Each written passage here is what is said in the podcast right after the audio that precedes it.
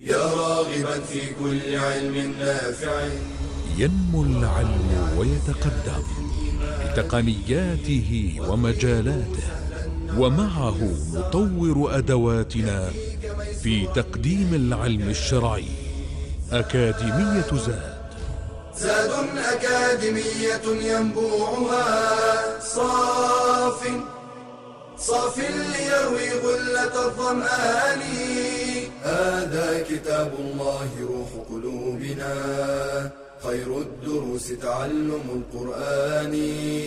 بشرى لنا زاد أكاديمية للعلم كالأزهار في البستان. إن الحمد لله نحمده ونستعينه ونعوذ بالله من شرور أنفسنا ومن سيئات أعمالنا.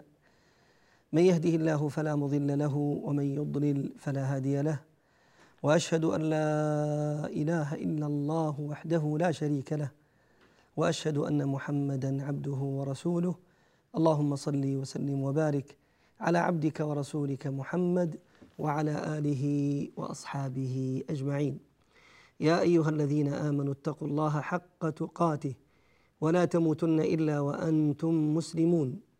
يا أيها الناس اتقوا ربكم الذي خلقكم من نفس واحدة وخلق منها زوجها وبث منهما رجالا كثيرا ونساء واتقوا الله الذي تساءلون به والأرحام إن الله كان عليكم رقيبا.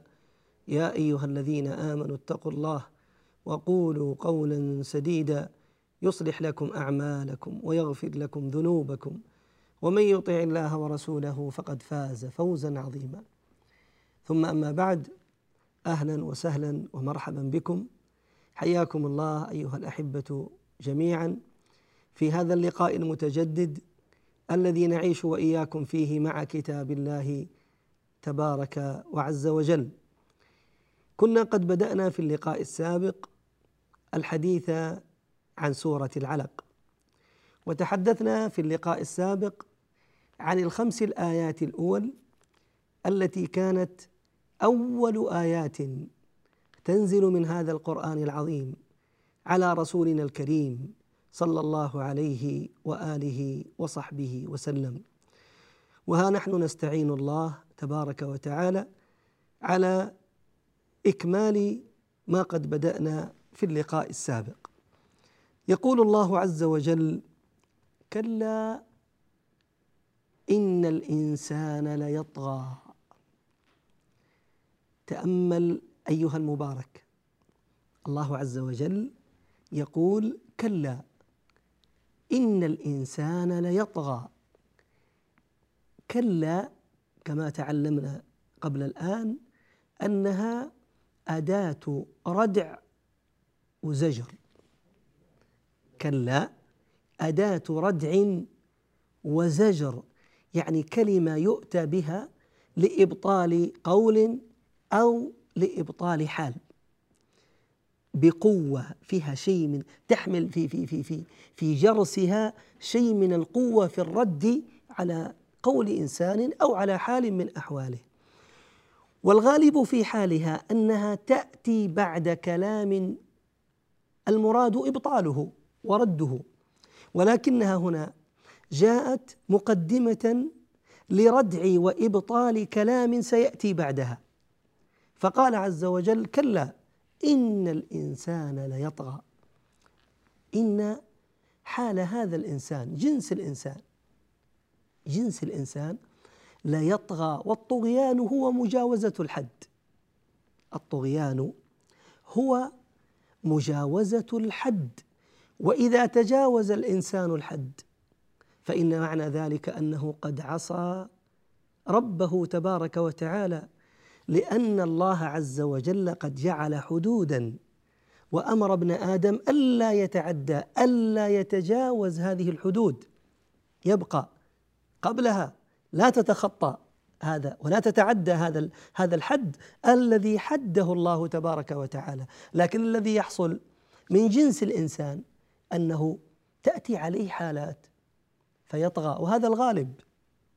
طبعا إلا من وفق من أهل الإيمان ومن أهل الطاعة المحبين للرحمن تبارك وتعالى. كلا إن الإنسان ليطغى ومن طغيانه لاحظ أن رآه استغنى. من طغيان ابن آدم أحيانا أنه يرى أنه مستغن عن سيده وخالقه ومولاه. نعوذ بالله. يرى من طغيانه أنه مستغن عن الله تبارك وتعالى. مستغن بصحته مستغن بماله مستغن بولده مستغن بجاهه مستغن بعشيرته وقبيلته مستغن بأي أمر من الأمور التي هي في الأصل. نعمة من نعم الله تبارك وتعالى خلقها الله عز وجل لهذا المخلوق. وصدق ربي إذ قال وما بكم من نعمة فمن الله. ثم هو نعوذ بالله أمام نعمة الله يرى أنه مستغن بها عن الله عز وجل. كلا لا يصح أن يكون هذا ولا يجوز أن يكون هذا من هذا العبد الضعيف الذي والله لولا عون الله له ما استطاع أن يفعل أي فعل من أفعاله. ما استطاع أن يتصرف أي تصرف من تصرفاته. اسمع. وانتبه. ربما أنت قد تقول أنا باختياري سأذهب إلى عملي وأكسب رزقي أنا باختياري سأقرأ وأتعلم أنا باختياري سأرفع يدي وما لعون الله في ذلك. أقول من الذي أعانك وأعطاك هذه الجوارح الداخلية هذا الجهاز التنفسي الذي استطعت به أن تخرج هذا الهواء وتدخله تلقائيا سواء في حال اليقظة أو في حال المنام. إنه الله. من الذي من الذي استطعت أو أعطاك تلك القدرة فأصبح هذا الدم يجري عبر تلك الشرايين والأوردة الموجودة في في في في جسدك فيجري الدم من مكان إلى مكان إنه الله تبارك وتعالى وأنت لا قدر ولا قوة ولا اختيار ولا عون لك فيها.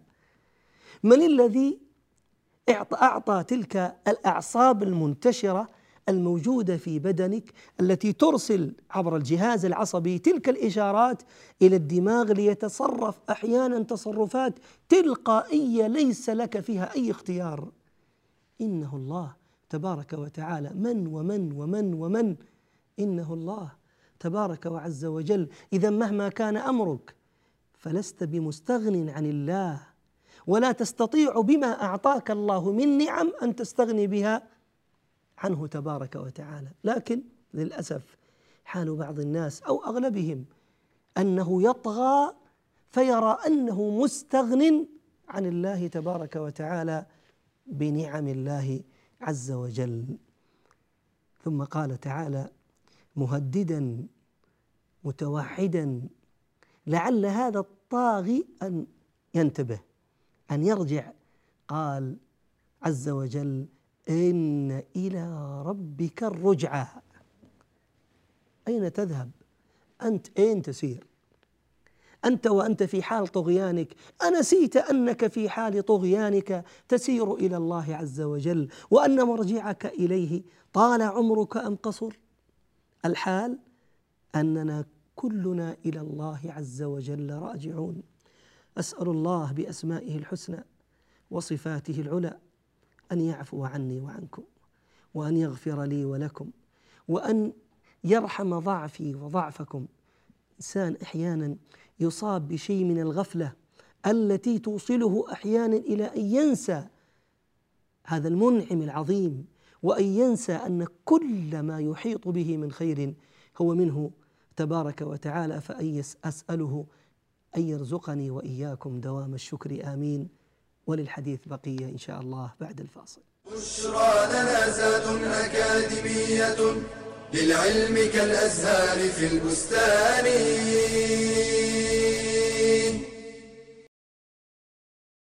نعم الله علينا كثيرة جدا. لا نستطيع لها حصرا ولا نطيق لها شكرا إلا أن يوفقنا الله لذلك.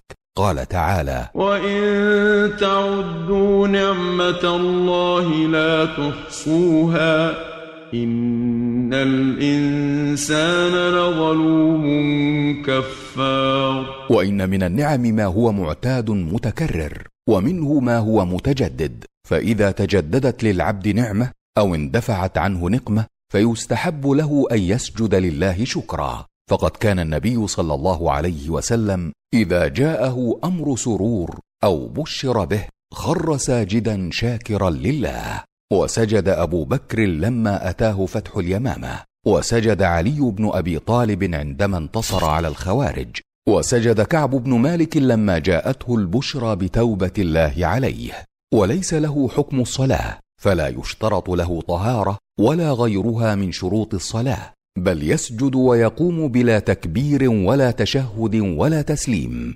ويقول في سجود الشكر سبحان ربي الأعلى ثلاثا أو أكثر. ويدعو بما شاء كما يفعل في سجود الصلاة. فاحرص على شكر الله على نعمه وتعبد لله بذلك فإنما تحفظ النعمة بالشكر. قال تعالى وإذ تأذن ربكم لئن شكرتم لأزيدنكم ولئن كفرتم إن عذابي لشديد. بشرى لنا زاد أكاديمية للعلم كالأزهار في البستان. الحمد لله رب العالمين. أهلا وسهلا ومرحبا بكم أيها الأحبة الكرام. كنا قبل الفاصل نتحدث عن تلك الآيات المباركات من سورة العلق وها نحن نستعين الله تبارك وتعالى ونطلب منه المدد في أن يوفقنا وإياكم لإكمال ما بدأناه. يقول الله عز وجل في هذه السورة المباركة أرأيت الذي ينهى؟ لاحظ هذا الخطاب موجه للنبي صلى الله عليه وسلم أرأيت يا محمد صلوات ربي وسلامه عليك؟ وهذه الرؤيا قد تكون رؤيا علمية إذا وردت في القرآن الكريم. قد تكون رؤيا علمية لما لم يشاهد بالعين الباصرة. وقد تكون رؤيا بصرية لشيء لشيء شاهده الإنسان ببصره. فالله تبارك وتعالى يقول لنبيه صلى الله عليه وسلم أرأيت الذي ينهى؟ والمراد بالرؤية هنا الرؤية نعم الرؤية البصرية. لأن المعني المعني بهذه الآيات هو أحد مشركي قريش. هو رأس الكفر. هو فرعون هذه الأمة. أبو جهل عمرو بن هشام. ذاك الرجل الذي أخذ على عاتقه حرب الإسلام والمسلمين. الذي أخذ على عاتقه منذ أن أظهر الله عز وجل دينه ونطق صلى الله عليه وسلم بالجهر بالدعوة أخذ على عاتقه تكذيب النبي صلى الله عليه وسلم. الذي أخذ على عاتقه أن يكون سيفا مسلطا على دين الله تبارك وتعالى وأوليائه. وكذلك جعلنا لكل نبي عدوا من المجرمين. وكفى بربك هاديا ونصيرا. هذه سنة الله عز وجل. سنة الله تبارك وتعالى أن الله جعل لكل نبي عدو من المجرمين. وهذا العدو هنا الذي تتحدث عنه هذه الآيات هو أبو جهل فرعون هذه الأمة الذي لا أظن أن مسلما يجهل عداوته لرسول الله صلى الله عليه وسلم ولهذا الدين العظيم. أرأيت يا محمد الذي ينهى يمنع. ينهى من؟ قال ينهى عبدا إذا صلى الله. انظر الله عز وجل يخبرنا عن عبد من عباده وهو هو صلى الله عليه وسلم. المراد بهذا العبد الذي وصفه الله بهذا الوصف الراقي وصف العبودية لأننا نعلم أن وصف العبودية من أشرف الأوصاف ولهذا تجد أن الله عز وجل وصف به نبيه عليه الصلاة والسلام في أشرف المقامات، يعني أشرف المقامات يصف الله عز وجل فيها نبيه بوصف العبودية، كما قال تعالى: الحمد لله الذي أنزل على عبده الكتاب حال الإنزال. ما وجد للنبي صلى الله عليه وسلم وصف هو أشرف من وصف العبودية. وقال تعالى سبحانه في في حال الإسراء سبحان الذي أسرى بعبده ليلا من المسجد الحرام بعبده. وفي حال الدعوة والبلاغ وأنه لما قام عبد الله يدعوه اذا هذا الوصف وصف يحمل معاني عظيمة من الشرف والرقي. اللهم اجعلنا عبيدا لك يا رب العالمين. العبد الخالص لله هو الذي يأتي بالأوامر ويبتعد عن النواهي طائع لله عز وجل. فهو آت بالفرائض آت بالمستحبات باعد مبتعد عن المحرمات وعن المكروهات. النبي صلى الله عليه وسلم هنا يصفه الله بهذا الوصف عبدا إذا صلى. يعني عبد وهو النبي صلى الله عليه وسلم يصلي لله عز وجل الحال أن عدو الله أبو جهل ينهاه عن الصلاة. تخيل. يعني لم يقم عليه الصلاة والسلام في هذه الحال بشتم أبي جهل. لم يقم عليه الصلاة والسلام بأذيته. لم يقم عليه الصلاة والسلام نقول بالدعوة إلى الله يعني جهارا نهارا إنما قام يصلي لله يصلي لله. ومع ذلك يأخذ على عاتقه أبو جهل أن ينهاه صلى الله عليه وسلم عن الصلاة. ممنوع. يأتي فيجهر بين كفار قريش فيقول لهم أيفعل محمد هذا؟ أيصلي؟ يسجد ويركع عند الكعبة بين أظهركم وأنتم تشاهدون. والله يقسم الخبيث واللات والعزى. إن فعل ذلك مرة أخرى لأطأن على عنقه ولأمرغن وجهه في التراب. يمرغ يقول يقسم على أن يمرغ وجه النبي صلى الله عليه وسلم في التراب. إذن هو ينهى النبي صلى الله عليه وسلم عن هذا الفعل عن عن الصلاة. التي ما فيها إلا خضوع وخشوع ركوع سجود لله تبارك وتعالى. قال الله عز وجل أرأيت أرأيت الذي ينهى؟ عبدا إذا صلى. طيب ربي ما هي صفات هذا العبد؟ قال أرأيت إن كان على الهدى. هذا العبد الذي يصلي لله تبارك وتعالى هو في الحقيقة على الهدى على الطريق المستقيم على الهداية سائر إلى الله عز وجل بغير اعوجاج. فهو لم يتنكب الصراط حاله كحال هؤلاء العصاة المذنبين وإنما هو مهتد. هو من زمرة المهتدين. أرأيت إن كان هذا العبد على الهدى لاحظ أو أمر بالتقوى؟ هو إذا أمر بشيء إنما يأمر بتقوى الله تبارك وتعالى لا يأمر بغير ذلك. قلب انظر في أوامر الله عز وجل. هل ترى في أمر من أوامر الله تبارك وعز وجل؟ أعوذ بالله ما فيه منكر أو فيه شطط أو فيه خلل أو في شيء يخالف العقل. كلا والله والله إنها لا تحمل إلا السماحه والخير والبر والإحسان. وكل فضيلة تلك هي أوامر الله عز وجل.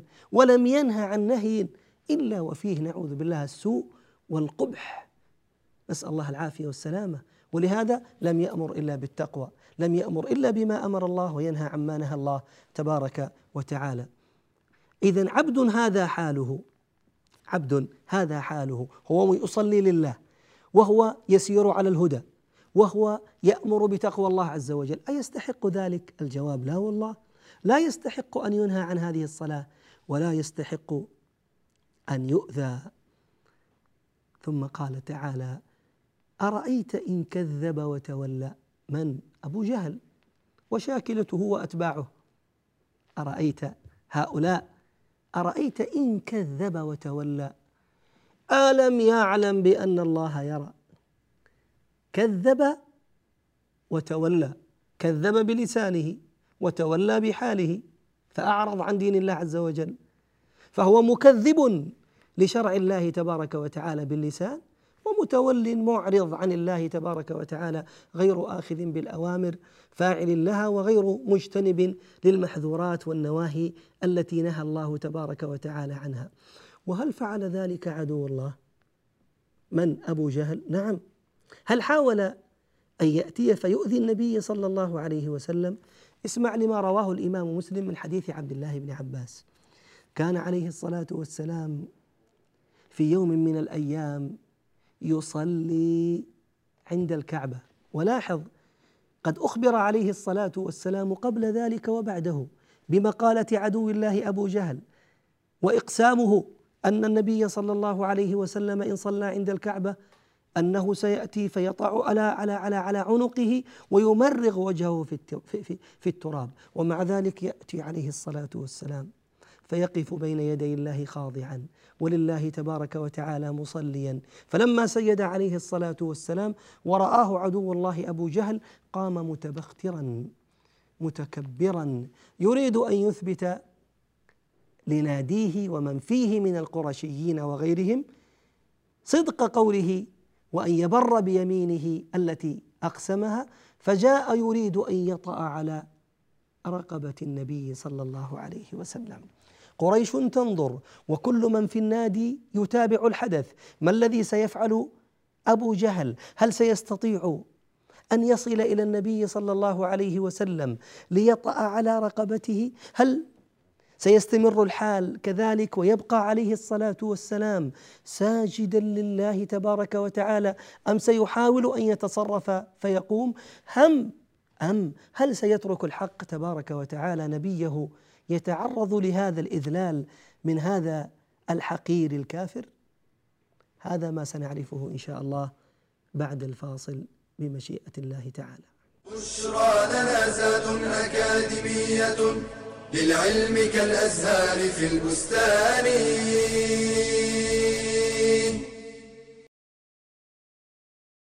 هل رغبت يوما في بيع سلعة؟ وبحثت عما يوفر لك مشتريا بسعر جيد وهل رغبت في شراء عقار فذهبت لمن يدلك على ما يناسبك. هذه هي حقيقة السمسرة وعمل السمسار حلال والأجرة عليه مباحة. ويجب أن يكون السمسار ناصحا فيدل صاحب السلعة على أفضل مشتر ويدل المشتري على أفضل سلعة. مصداقا لقول النبي صلى الله عليه وسلم الدين النصيحة. ويجب أن يكون صادقا في وصف السلعة فلا يغالي فيها ولا يحط من قدرها ليجامل من وسطه بائعا كان أو مشتريا. وإذا حكماه في تقدير ثمن السلعة فليقومها بالعدل فهي شهادة وأمانة. قال تعالى يا أيها الذين آمنوا كونوا قوامين لله شهداء بالقسط.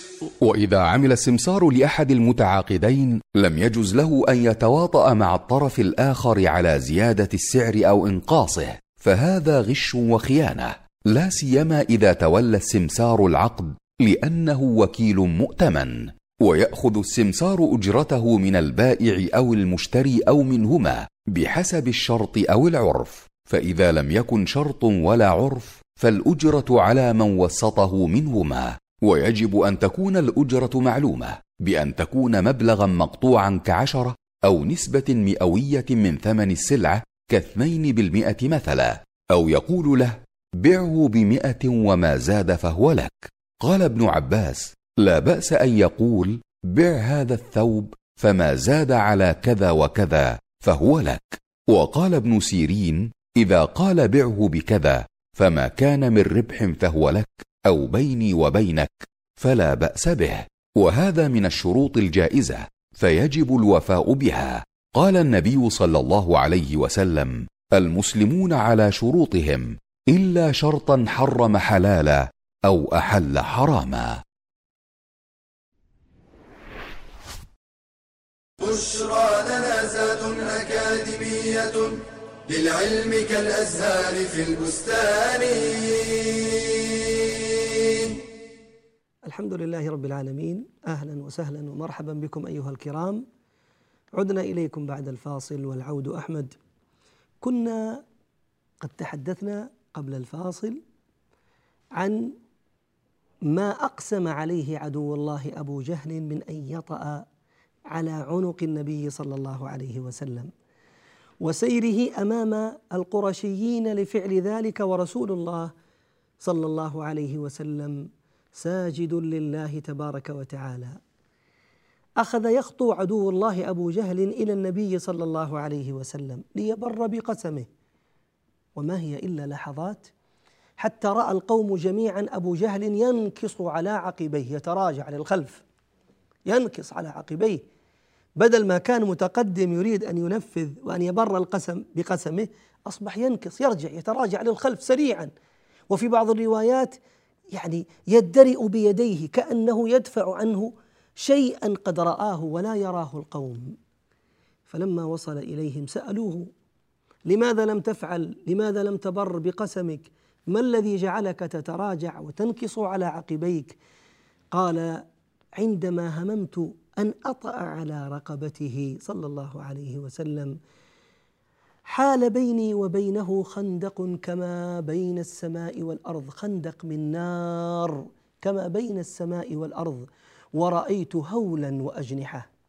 رأى أمر مهول وأجنحة فأخذ يتراجع عدو الله وقد أرسل الله تبارك وتعالى كما أخبر عليه الصلاة والسلام لما أخبر بأمر أبي جهل قال لو تقدم يعني أبو جهل لفعل فعلته النكراء لا تخطفته الملائكة عضوا عضوا. لو تقدم عدو الله إلى النبي صلى الله عليه وسلم ليفعل فعلته لتخطفته الملائكة عضوا عضوا. ولكن الله أراد أن يؤخره لمشهد آخر. ذل فيه وصغر وأصبح فيه من أحقر الناس وذلك لما قتل بفضل الله عز وجل على يد شابين صغيرين في غزوة بدر. أرأيت إن كذب وتولى؟ يعني أبو جهل ألم يعلم بأن الله يرى؟ قلنا أن في هذا تهديد ضمني لعدو الله عز وجل أن الله تبارك وتعالى يراه. أن الله عز وجل يراه وهو في هذه الحال من الطغيان في هذه الحال من التكذيب في هذه الحال من العناد في هذه الحال التي يريد أن يؤذي فيها رسول الله صلى الله عليه وسلم. ثم قال تعالى كلا أداة ردع زجر يكررها تبارك وتعالى مرة أخرى. كلا لئن لم ينتهي أي عن فعله هذا القبيح الذي يريده من نهيه للنبي صلى الله عليه وسلم عن الصلاة كلا لئن لم ينتهي لنسفعا بالناصية إن لم ينتهي عن فعله هذا ليكون من ضمن جزائه الدنيوي أن يسفع بالناصية السفع هو الجذب بشدة. الجذب بشدة والناصية هي مقدمة الرأس. الشعر هذا الموجود في مقدمة الرأس. هذه المقدمة الناصية مقدمة الرأس هي عند كل إنسان أشرف ما فيه. فإذا أخذ بشعر الإنسان من مقدمه وجذب جذبا شديدا فإنها تحمل هذه الجذبة في ثناياها من الإهانة والحط من قدره الشيء الكثير جدا. فيقول الله عز وجل لهذا الطاغية لفرعون هذه الأمة وأمثاله إن لم ينتهي عن هذا الفعل القبيح لئن لم ينتهي لنسفعا بالناصية لنسفعا لنجذبنه جذبا شديدا بشدة عظيمة فيكون في ذلك من الإهانة والتحقير له. في الدنيا وقيل في الآخرة لنأخذن بناصيته فنجذبه ويلقى على أم رأسه عياذا بالله في نار جهنم. كلا لئن لم ينته لنسفعا بالناصية. لماذا بالناصية يا ربي دون غيرها؟ قال ناصية كاذبة خاطئة. هذه الناصية التي هي مقدم الرأس كاذبة خاطئة. قيل كاذبة في أقوالها. وخاطئة في أفعالها كاذبة في أقوالها وخاطئة في أفعالها. ولهذا ذكر الله عز وجل للناصية في هذا المكان وذكر الناصية بالخصوص ووصفها بكونها خاطئة كاذبة. هذه جعلت بعض العلماء بعض الأطباء جعلت بعضهم يدرس فعلا مقدم الدماغ مقدم الرأس هذا الجزء الأمامي من الإنسان. وما الذي يحمله هذا المكان؟ يعني دماغ الإنسان كل جزء منه له قدرة وتصرف على جزء من أجزاء بدنك. فالكلام له جزء النظر له جزء السمع له جزء. وهكذا سائر تصرفات ابن آدم الذي خلقه الله تبارك وتعالى. فالمركز مركز التحرك في هذا الدماغ. الفص الأمامي الموجود في مقدم هذا الدماغ يقول العلماء الذين يهتمون بمسألة الإعجاز العلمي ونحن سبق أن تحدثنا عن مسألة الإعجاز العلمي في القرآن وذكرنا فيها شيء من التفصيل وأن ما كان فيها غير مبالغ فيه لا حرج من قبوله. وقلنا أن الذي يمنع منه هو التقعر والمبالغة في هذا الجانب والذي يمنع منه هو الاسترسال الزائد ومحاولة أن يربط كل شيء في القرآن حتى في الأعداد وفي الألفاظ وفي التواريخ. كل شيء فيه يربط بالإعجاز إعجاز عددي إعجاز رقمي إعجاز هذه مبالغة شديدة لا ينبغي للمؤمن أن يخوض فيها هذا الخوض. ولكن إن ثبت على يد الأكفاء من المسلمين شيء من هذا الإعجاز العلمي الصحيح في القرآن أو في السنة فحي هلا به. وفي ذلك دراسات يعني حديثة متعمقة في هذا الجانب ومنها هذه الدراسة التي تحدثت عن الناصية والتي أكدت أن هذا الفص المقدم في الدماغ في الناصية هو المسؤول عن كثير من تصرفات الإنسان في ناحية الصحة وخطئها في ناحية الصحة أو الخطأ الصدق أو الكذب أو ما شابه ذلك وأن ذاك مركزه في هذه الناصية التي هي مقدم الرأس. وقد وصف الله تبارك وتعالى هذه الناصية بهذين الوصفين والعلم عند الله تبارك وتعالى. كلا لئن لم ينتهي لنسفعا بالناصية تهديد قلنا وردع زجر أن الله عز وجل سيحاسبه يعذبه إن لم ينتهي عن فعله ويأخذه بناصيته هذه الناصية الكاذبة الخاطئة ويلقى نعوذ بالله على أم رأسه في نار جهنم. قال الله في باب التهديد فليدع ناديه.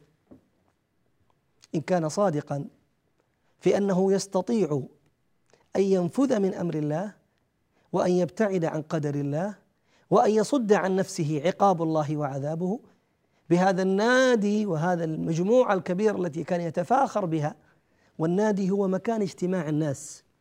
المكان الذي يجتمع فيه القوم وكان لأبي جهل ناد يجتمع عنده كبار القرشيين فيتشاورون ويتسامرون ويتكلمون. فيقول الله عز وجل لأبي جهل فليدعو نادية هذا النادي الذي كان يهدد النبي صلى الله عليه وسلم به وأنه سيأتي بقومه وبناديه من أجل ردع وإيقاف هذا النبي ودعوته وما بعثه الله عز وجل به فليدعو نادية. وبالمقابل سندعو الزبانية. سندعو الزبانية. الزبانية جمع زبني والمراد به يعني بالزبانية المراد بهم خزنة نار جهنم الذين وكلهم الله تبارك وتعالى بعذاب أهل النار. وكلمة الزبن بمعنى الدفع فهم غلاظ شداد لا يعصون الله ما أمرهم ويفعلون ما يؤمرون هم شداد في في في في خلقهم شداد وغليظين في أفعالهم. هكذا خلقهم الله تبارك وعز وجل. اذا فليدعو ناديا ونحن سندعو الزبانية. هؤلاء الملائكة الذين من صفاتهم أنهم سيدفعونه بقوة ويأخذونه بعنف هو ومن كان معه عياذا بالله من كفار قريش أو من أعانه في طريقه الضال المضل. سندعو الزبانية ثم قال الله كلا أي فعله هذا فعل مردود باطل غير مقبول لا تطعه أي يا محمد صلى الله عليه وسلم واسجد واقترب واسجد بمعنى واستمر في صلاتك. المراد بالسجود هنا الصلاة فعبر بالبعض عن الكل لأن السجود من أعظم خصائص الصلاة وأقرب ما يكون العبد من ربه وهو ساجد واسجد واقترب. فبسجودك تقترب من الله تبارك وتعالى. كلما زاد العبد سجودا زاد قربا من سيده ومولاه. بهذا بفضل الله تعالى نكون قد انتهينا من الحديث عن سورة العلق. نسأل الله ينفعنا وإياكم بما قلنا وسمعنا. آمين. والحمد لله رب العالمين. يا راغبا في كل علم نافع. ينمو العلم ويتقدم بتقنياته ومجالاته ومعه نطور أدواتنا في تقديم العلم الشرعي أكاديمية زاد. زاد أكاديمية ينبوعها صاف صاف ليروي غلة الظمآن. هذا كتاب الله روح قلوبنا. خير الدروس تعلم القرآن. بشرى لنا زاد أكاديمية للعلم كالأزهار في البستان.